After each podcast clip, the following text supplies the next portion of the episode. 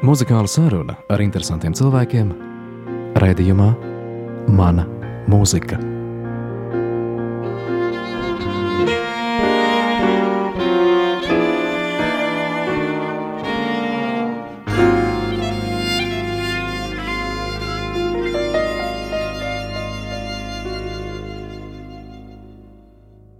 Labdien! Šodien raidījuma viesiņa ir žurnāliste un mēdīņa eksperte Olga Praskurava. Sveika, Olga! Labdien! Olga, tu arī esi mēdīņa eksperte, un tava šīs dienas mūzikas izvēle saistīta galvenokārt ar kino. Man tāds sākuma jautājums ir, saki, kas kultūra vai mākslas darbi ir vairāk emocijas, vai tas ir mēdījis? Ja mēs runājam par kino, Man personīgi tas ir pirmām kārtām zināšanas par pasauli. Pat nav emocijas, nav mēdīs, bet tīpaši, ja mēs runājam par dokumentālo kino, man tas ir pasaules atklāšana, es tā teiktu. Tu sešus gadus pasniedz Latvijas Universitātē tieši kino, dokumentālo kino. Vai kā saucās šis priekšmets? Nē, es pasniedzu pārsvarā priekšmetus, kas bija saistīti ar žurnālistiku, bet viena no manām aizraušanām ir dokumentālais kino, es asistēju vienā priekšmetā profesoram Abramam Kletskinam, priekšmetā, kas saucās dokumentālā kino vēsture un estētika.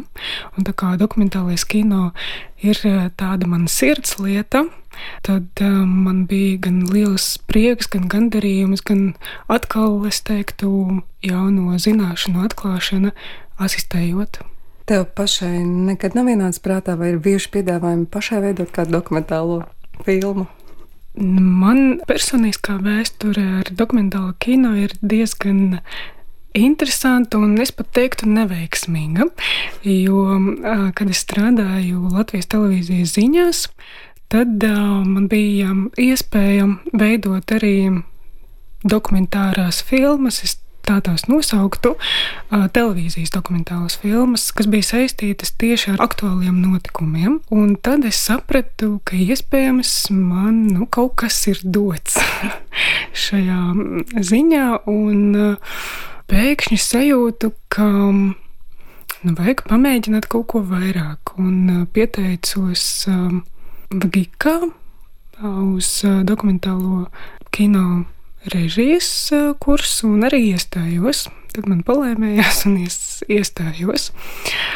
Un uh, sāku mācīties Maskavā. Paralēli arī uh, būdama korespondente, Latvijas televīzijas korespondente, panorāmas korespondente tur. Bet sanāca tā, ka es um, tajā dienā, kad uzzināju, ka es iestājos Vigikā, uh, es satiku arī savu vīru, nākamo vīru. Tad man bija jāizvēlās, vai nu es palieku mācīties tur, vai nu es atgriežos Latvijā, jo savu dzīvi bez kino es varēju iedomāties, bet dzīvi bez uh, otrās puses nē.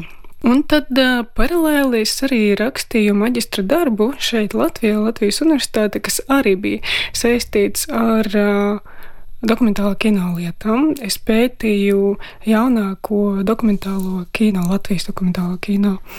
Un tad uh, atklāju arī šo sfēru priekš sevis no teorētiskas puses. Un man ir diezgan labs priekšstats par to, kas notika tā laika vai jaunāka laika kino šeit, Latvijā. Un tad arī savu doktora disertāciju es uh, gribēju veltīt arī šīs tēmas izpētēji. Bet uh, pirmais tavā sarakstā ir um, komponists Aleksis Aigī. Kurš ir rakstījis mūziku diezgan daudzām filmām, arī kādai latviešu režisorei ir iepatikusies viņa mūzika. Varbūt nedaudz arī pakomentēt. Es uh, Uzzināju to nejauši, ka Aleksis Eigi bija sarakstījis mūziku priekš Ināras Kolmanas filmas Mans vīrs Andrejs Saharovs. Eh, kad es skatījos to filmu, es jūtu, ka es šīs skaņas pazīstu. Ja šo noskaņojumu, šo, es pat nezinu, kā to var nosaukt, šo atmosfēru, kas tiek veidota šajā filmā, pateicoties arī mūzikai tai starpā. Un uh, titros, jā, es atklāju, ka tas ir Aleksis Aigi, kas man uh, tajā laikā, kad es uh, saskaros ar mūziku kino, bija viens no atklājumiem. Jo 98. gadā, kad šeit bija es tagad neatcerēšos, vai no Arsenāls, vai no Baltijas pērle. Šis festivāls bija atvedis uz Latviju uh, Valērija Todorovska filmu Kurlo zeme. Un um, šai filmai arī mūziku bija sarakstījis Alksijas Eigi. Un tad es sāku pētīt un meklēt, ko tad viņš vēl dara. Un uh, es sapratu, ka man viņa pasaules izjūta ir ļoti tuva. Nu, tā es arī šo pasauli iespējams dzirdu. Un kas ir interesanti ar Aleksēju, viņš bija izveidojis ansambli, nu, grupu, kas saucās 4 minūtes 33 sekundes. Un tas grupas nosaukums ir aizņemts, vai to iedvesmoja amerikāņu komponista Džona Keidža sacerējums, kompozīcija, kas ir diezgan slavena. Es domāju, ka jūsu klausītājiem šis darbs ir pazīstams, kad šīs ir klusuma skaņas, mm. ja, vai no apkārtējas vidas skaņas. Šis darbs sastāv no trim daļām. Un īstenībā to neizpilda, bet publikai ir iespēja dzirdēt apkārtējo pasauli. Un man tas likās arī ļoti filozofiski, ļoti būtiski un arī sakritā ar manu pasaules izjūtu.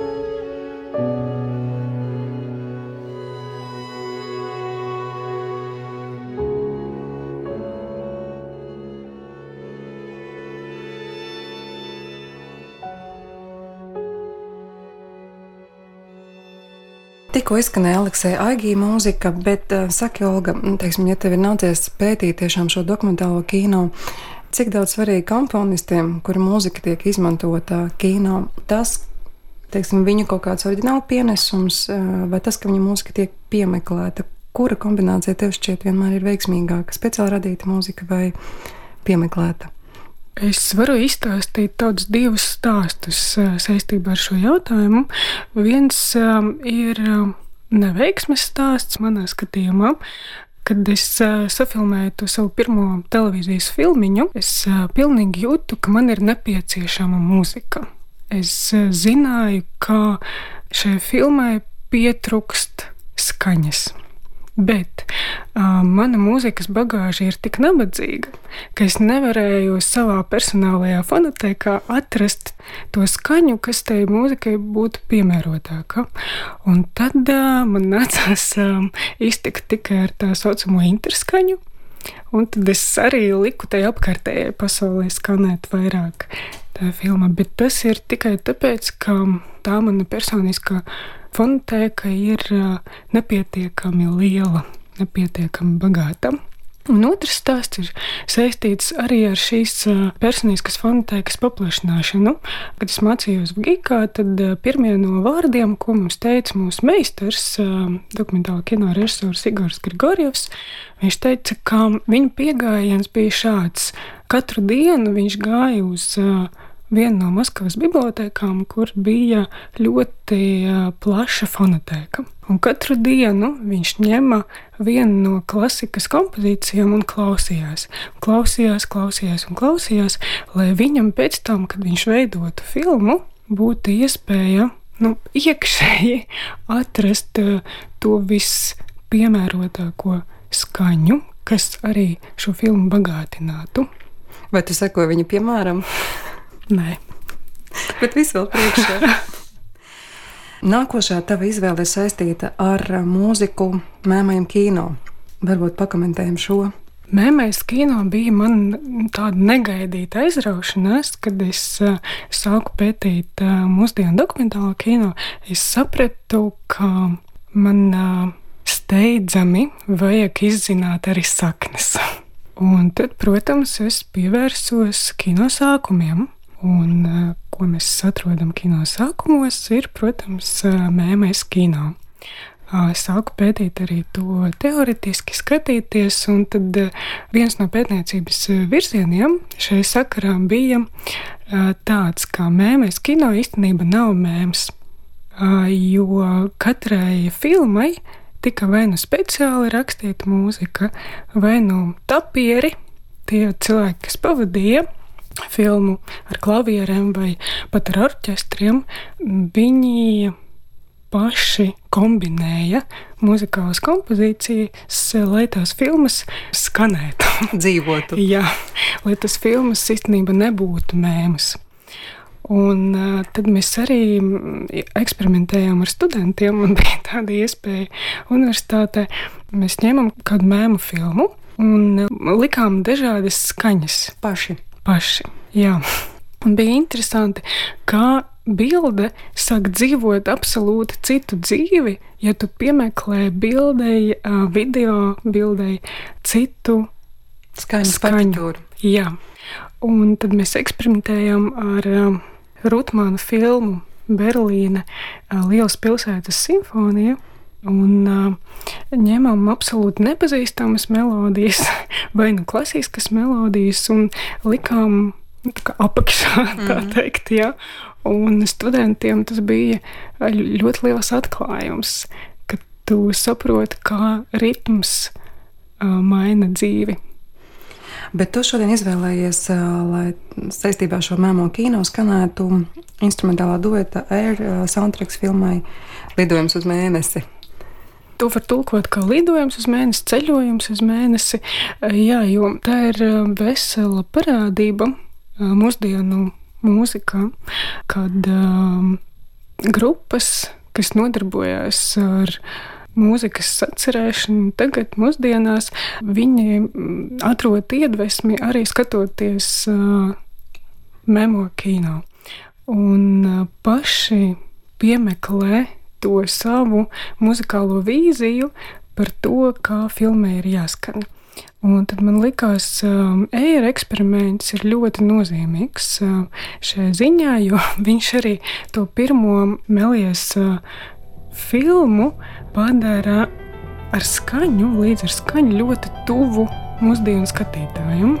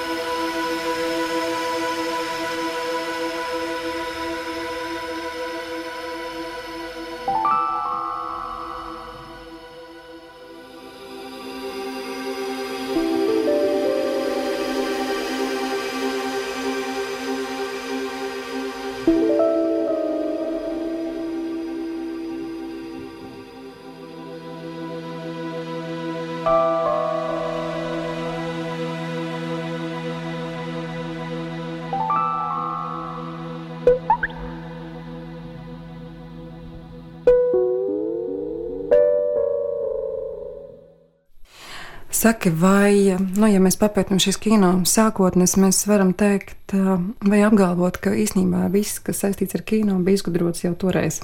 Tad, kad kino radās, ja mēs skatāmies to pašu Vetrovu vai, vai šo pašu Žorža Melijas filmas, vai mēs esam aizgājuši daudz tālāk? Nu, tad um, mēs varam to pašu teikt par visu. Ja, kā, kā viss jau ir sarakstīts, visas grāmatas, visi sižeti jau ir zināmi, un nekur tālu no mīlestības tristuriem mēs netiekam. Un to pašu var attiecināt arī uz eh, kinotehnikām. Jā, kad es pirmo reizi skatījos eh, Dzigas eh, Vertova filmu Cilvēks ar kinoaparātu, man likās, kādi klipi, par ko mēs runājam. Viss jau ir sen izgudrots, viss paņēmieni un nekas jauns. Uh, klipu meistarībā nav, ja, jo, jo visu jau ir izdomājis cilvēks, kurš dzīvoja 20. gadsimta sākumā, bet toties um, ritmi un apkārtējais dzīves stils viņš tomēr dod iespēju skatīties uz lietām savādāk. Jā, sīžets var atkārtoties. Nevelti mēs redzam nepatrauktus remēkus tai pašai Romeo un Džulietai. Un uh, katru reizi režisors atrod citu skatījumu uz it kā pazīstamām lietām. Manuprāt, nu, tā arī ir režisora vai, nu, vai tā cilvēks, kas rada uzdevums parādīt mums jau it kā zināmas lietas absolūti negaidīti.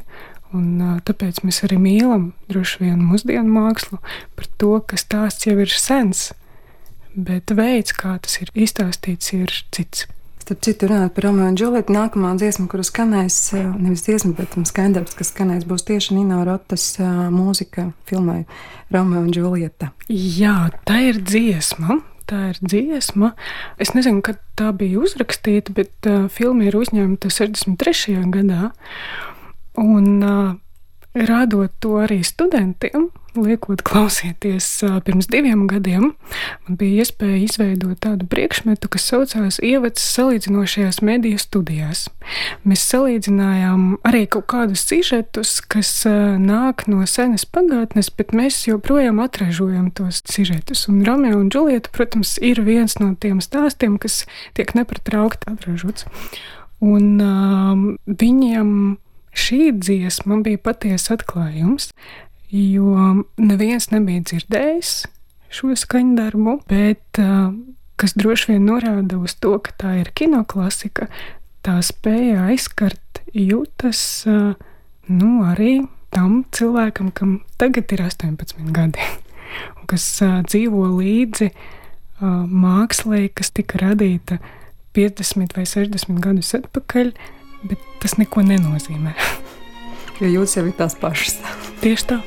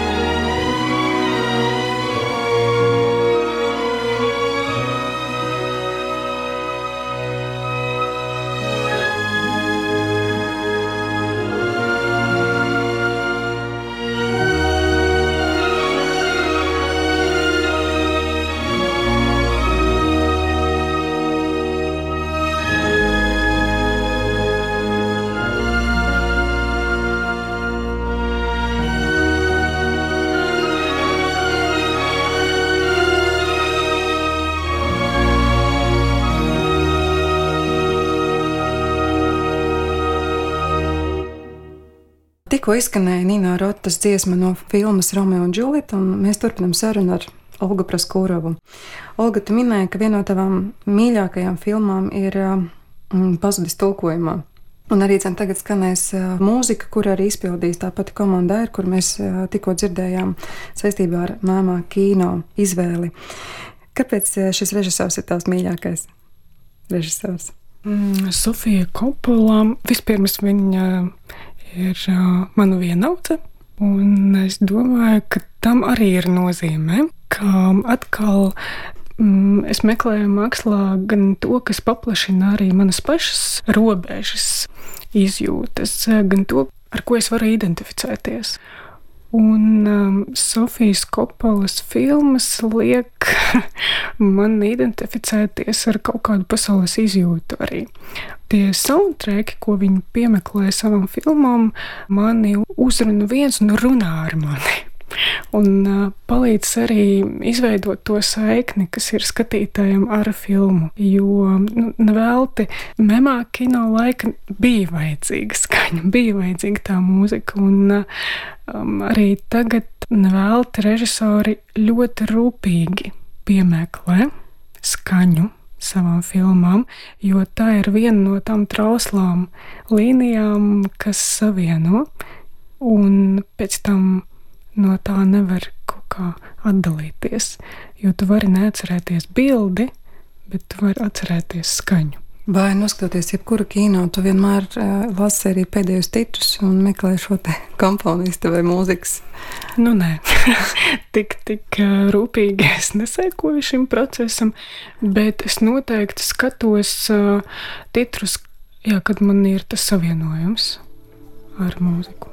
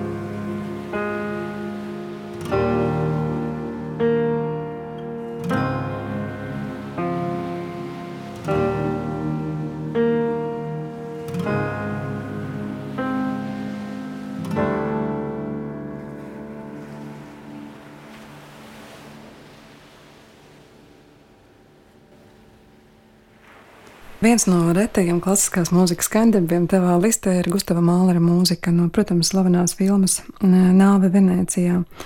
Vai šī filma ir kaut kādā mērā iemācījusi tev arī mīlēt klasisko mūziku? Mana pirmā tikšanās ar šo mūziku īstenībā nav saistīta ar kino viskonti filmu. Mana pirmā tikšanās ar Malēru mūziku bija atkal pateicoties dokumentālajam kino. Un latviešu darbam, latviešu režisors darbam, Dzindras uh, Gekas darbam, Džona Doreda Sala. Tā saucās uh, tā dokumentāla filma. Un uh, Gekas kundze bija izmantojusi šo mūziku, lai izstāstītu stāstu par uh, slavenu amerikāņu latviešu izcelsmes kinooperatoru Džonu Doredu un viņa mīļotu sievieti Elizabeti. Un uh, atkal Viskonti filmā Mālera mūzika ir domāta absolūti citam stāstam. Varbūt vientulības stāstam, nevis mīlas stāstam, bet uh, neatpazītas mīlas uh, vai uh, neatbildētas mīlas stāstam. Un man tas likās uh, ļoti interesanti un ļoti aizraujoši, kā pakļaujoties dažādiem mērķiem, tika izvēlēta tomēr viena un tā pati mūzika, un viņa ir tikpat uzrunājoša gan vienā gadījumā, gan otrā.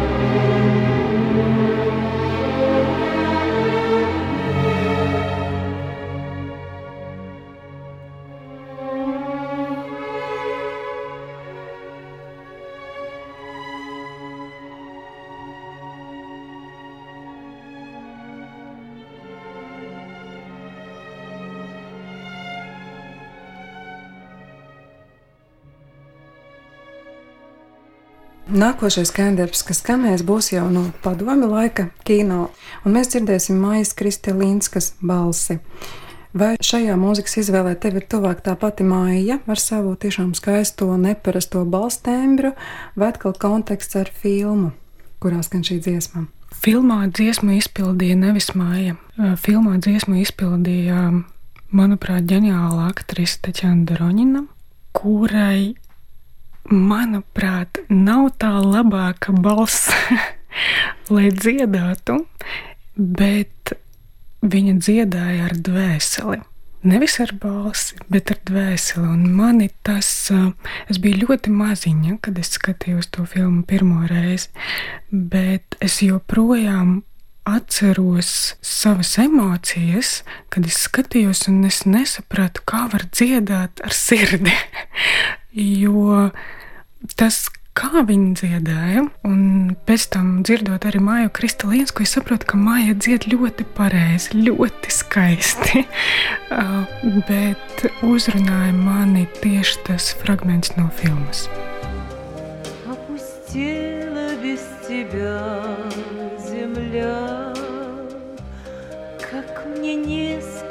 часов прожить. Как же падает листва в садах, И куда-то все спешат такси, Только пусто на земле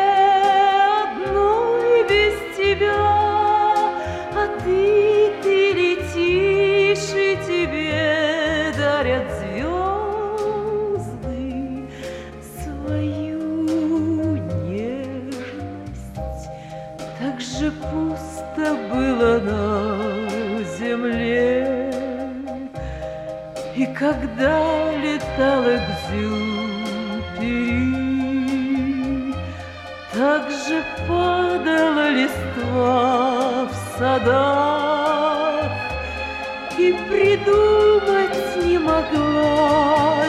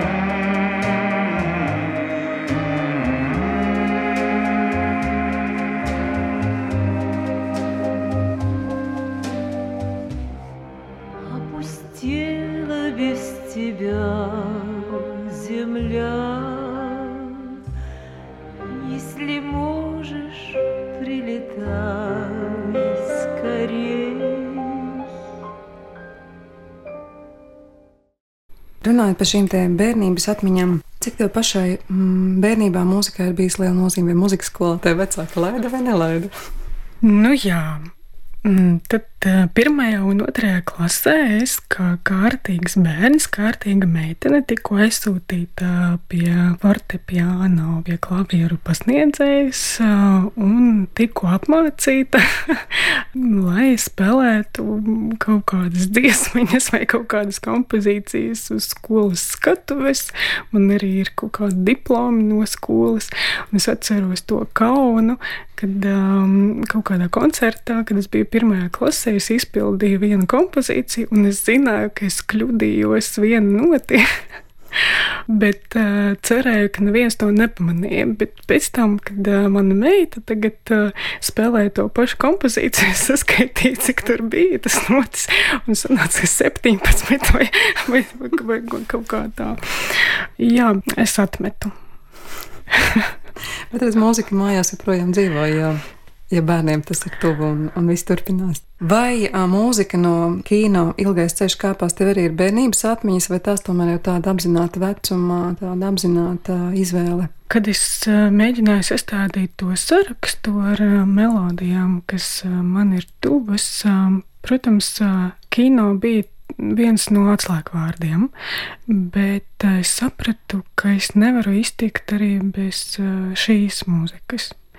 Jo, jā, tā ir bērnība, jā, tas ir droši vien tā ir pirmā reize, kad es saskaros ar Raimonda Paula mūziku kā tādu, un iespējams tā arī bija viena no pirmām latviešu filmām, ko es noskatījos. Es nevaru tā apgalvot to precīzi tagad, bet iespējams tas tā ir.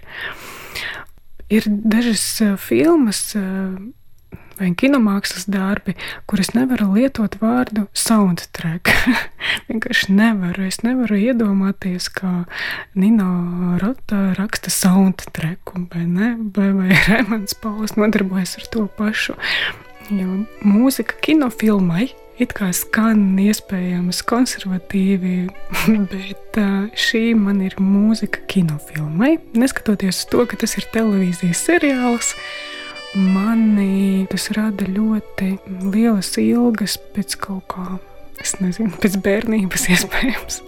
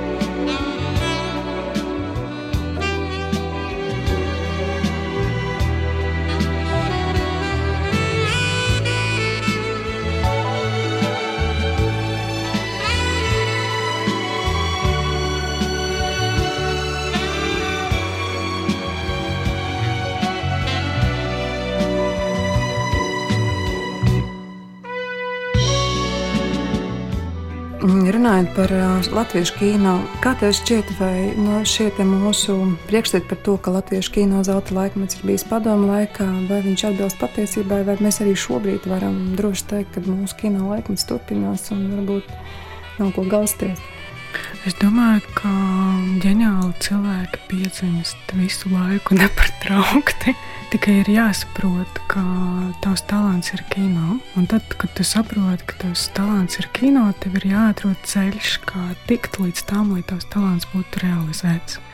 Es domāju, ka ja visi apstākļi sakrit tā, ka tas ceļš atveras, tad arī talantīgs cilvēks atradīs iespēju pašrealizēties.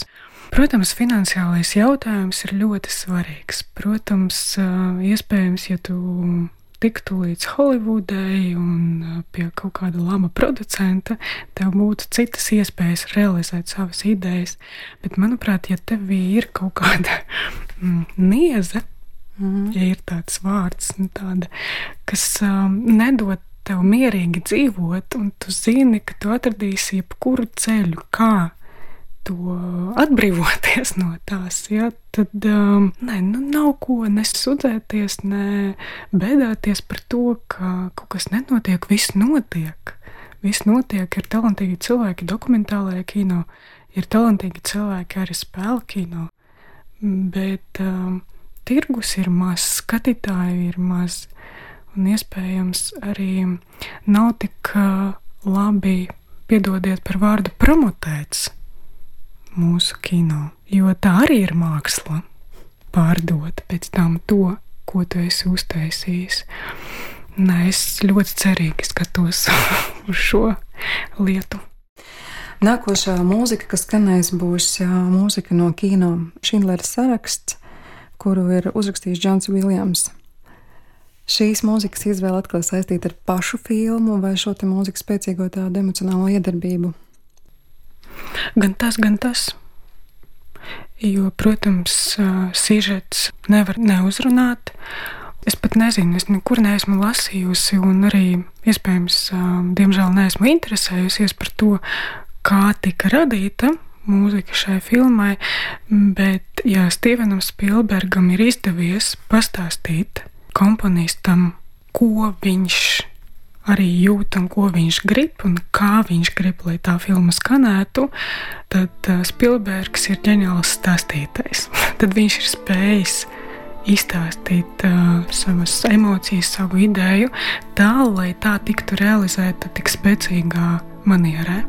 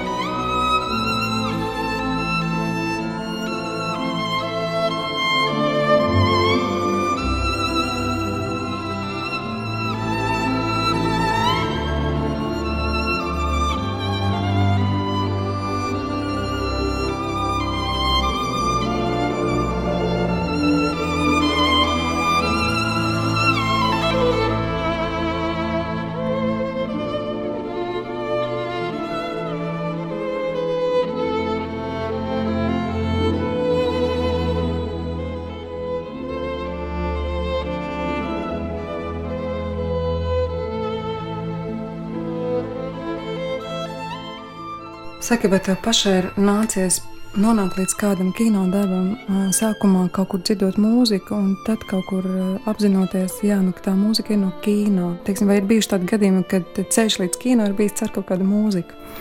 Tā uz citienu es laikam neatcerēšos. Iespējams, gadījums no dzīves ir tāds, ka mans tētis, viņam ļoti patika Vēbera rokoperas vai nu, var saukt par mūzikliem, bet rokoperas laikam šajā ziņā ir piemērotāks apzīmējums. Es pat atceros tādus magnetofonus ar bobīnām, vai, vai es nezinu, kā latviešu īsti saucās. Jā, tādas apaļas, apaļi ruļļi. Tādi, un es nezinu, kur viņš tos ņēma, bet uh, viņam bija diezgan uh, spēcīga, manuprāt, kolekcija ar um, roka izpildītājiem, tā laika roka izpildītājiem ārzemju. Un uh, viens no viņa mīļākajiem gabaliem bija Jēzus Kristus uh, superzvaigzne. Jā, laikam tad uh, pirmo es dzirdēju to skaņu darbu, un tikai pēc tam Es pat neatceros, kurā gada, bet laikam tas bija vai nu perestroikas jau laiks, vai nu pēc tam, kad uh, televīzijā bija iespējams arī noskatīties nevis filmu, bet kā ekranizējums. Ja? Un, uh, es zinu, ka tajā skaņdarbā, ko mēs ar teiti klausījāmies, uh, galveno lomu dziedāja viens uh, izpildītājs, kas bija Deep Purple solists. Un filmā to lomu atveidoja cits solists, un tad tēvs ļoti neapmierināts ar to. Un tad mēs arī paklausīsimies fragment no šīs te roka operas. Tā būs aina Gepsimanas dārzā. Only want to say If there is a way Take this cup away from me For I don't want to taste its poison feel it burn me. I have changed. I'm not as sure as when we started. Then I was inspired. Now I'm sad. Listen, surely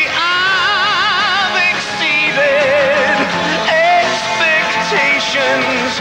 Tried for three years, seems like 30. Could you ask as much from any other man? But if I die, see the saga through and do the things you ask of me. Let them hate me,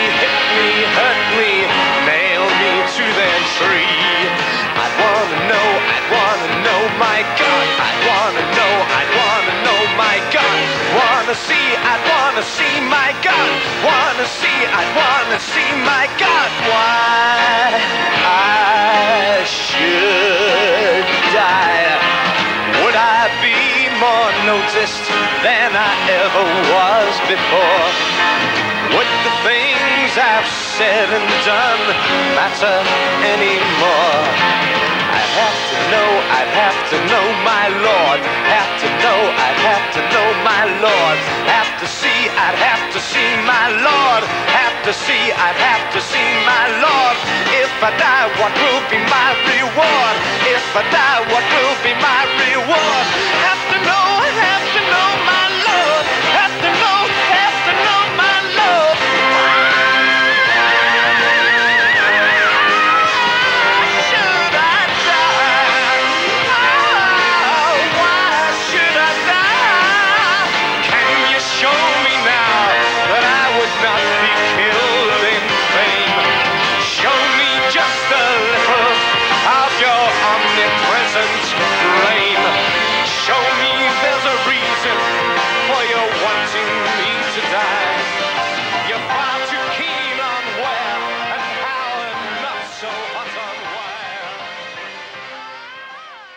Tālāk mēs atkal atgriezīsimies pie nu, teiksim, tāda postpadomju filmas. Un to jau tu pati nodēvēji drīzāk par tādu soundtracku. Tas ir no filmas Brālis. Protams, iedarbīga filma. Bet, uh, gatavoties šim raidījumam, arī uzrunājot tevi, tu teici, vai es taču neko izņemot zemfīru nevaru piedāvāt. Nu, lūk, arī būs šis gadījums, kad zemfīra skanēs. Nu, jā, kad tu zvanīji, man bija tāds apmulsums. Man šķita, ka man mūzika ir tāda paralēla realitāte, ka es eh, nemaz ar to nevis nenodarbojos, ne es eh, klausos eh, ļoti daudz, ne es apzināti mēģinu, kā es jau teicu, iepriekš paplašināt to savu personisko fonotēku. Es apzinos, ka tas iespējams nav tas labākais variants, kā dzīvot. Nu, jā, bet tā mūzika ar ko es varu identificēt savu jaunību, jā, tas ir soundtracks filmai Brālis. Un, jā, iespējams, mana meita skatīsies uz maniem ar lielām acīm, nesaprotot, kas tur ir tajā mūzikā. Ja? Bet uh, tie ir mani sirds pūkstījumi. Kā tev šķiet, kur slēpjas tas zemfīrs? Nu, viņš faktiski ir nerimstošs popularitātes vilnis. Kā viņa ir sākusi pirms daudziem gadiem, tā viņa joprojām meklē sevi un tā, bet viņas tā radītā vibrācija joprojām ir aktuāla. Man vienmēr bija noslēpums, kā cilvēkos var rasties skaņas, un kā viņš tās skaņas var pēc tam pierakstīt, un kā šīm skaņām tiek dota iespēja tikt līdz citu cilvēku sirdīm jo es kaut kā vairāk nodarbojos ar vārdiem. Man šķita, nu jā, nu vārdi, ka ir tevi, tu raksti, un tad uh, ir visas iespējas, ka tie vārdi vai nu uzrunās, vai, vai nu nē. Bet ar vārdiem es esmu pieradusi spēlēties. Kā notiek šīs brīnums? Man ir liels, liels noslēpums. Vai tā ir zemfīra, vai tas ir kaut kas cits, vai tas ir Viktors Cojs, vai tas ir Vladimirs Visotskis, vai tas ir Boris Grbenšakovs. Es nezinu, kā viņi to dara, un lai tas arī paliek noslēpums. Ja.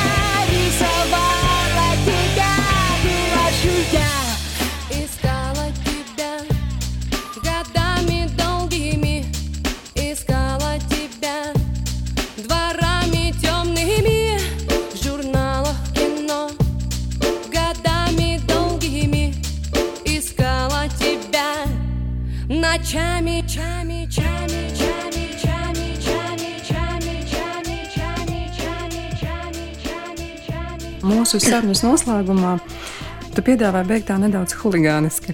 Mums skanēs um, fragments no Quentina Tarantino filmas.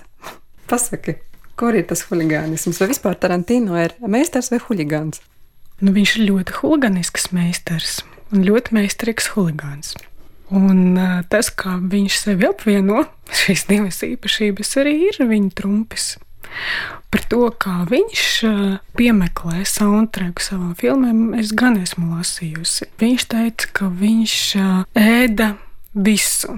Jā, viņš gan uh, strādājot video nomā, bija skatījis visas filmas pēc kārtas, sakot ar pēdējo trešu, un beidzot ar kaut kādām ļoti izsmalcinātām filmām, tā viņš arī klausījās mūziku. Jebkuram savam dialogam, filmā, viņš jau zināja, kādu mūziku viņš grib.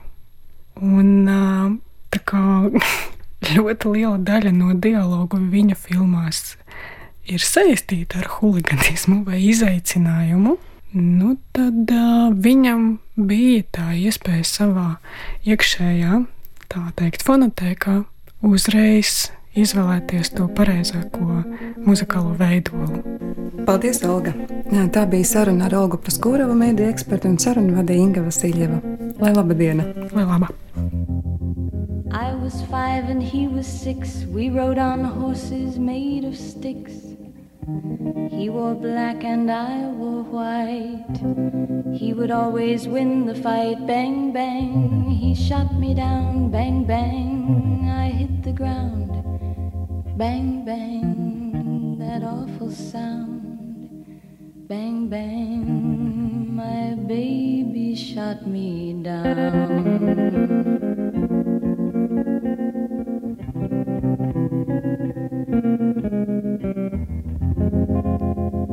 Seasons came and changed the time.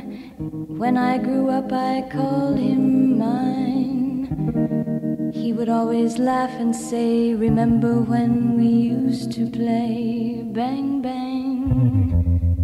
I shot you down, bang, bang. You hit the ground, bang, bang. That awful sound, bang, bang. I used to shoot you down.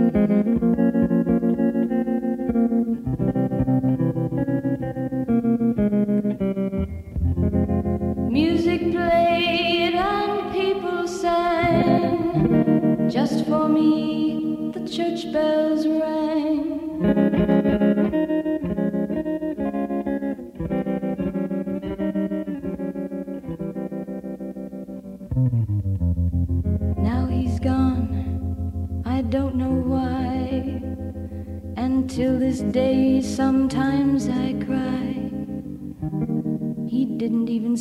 Goodbye, he didn't take the time to lie.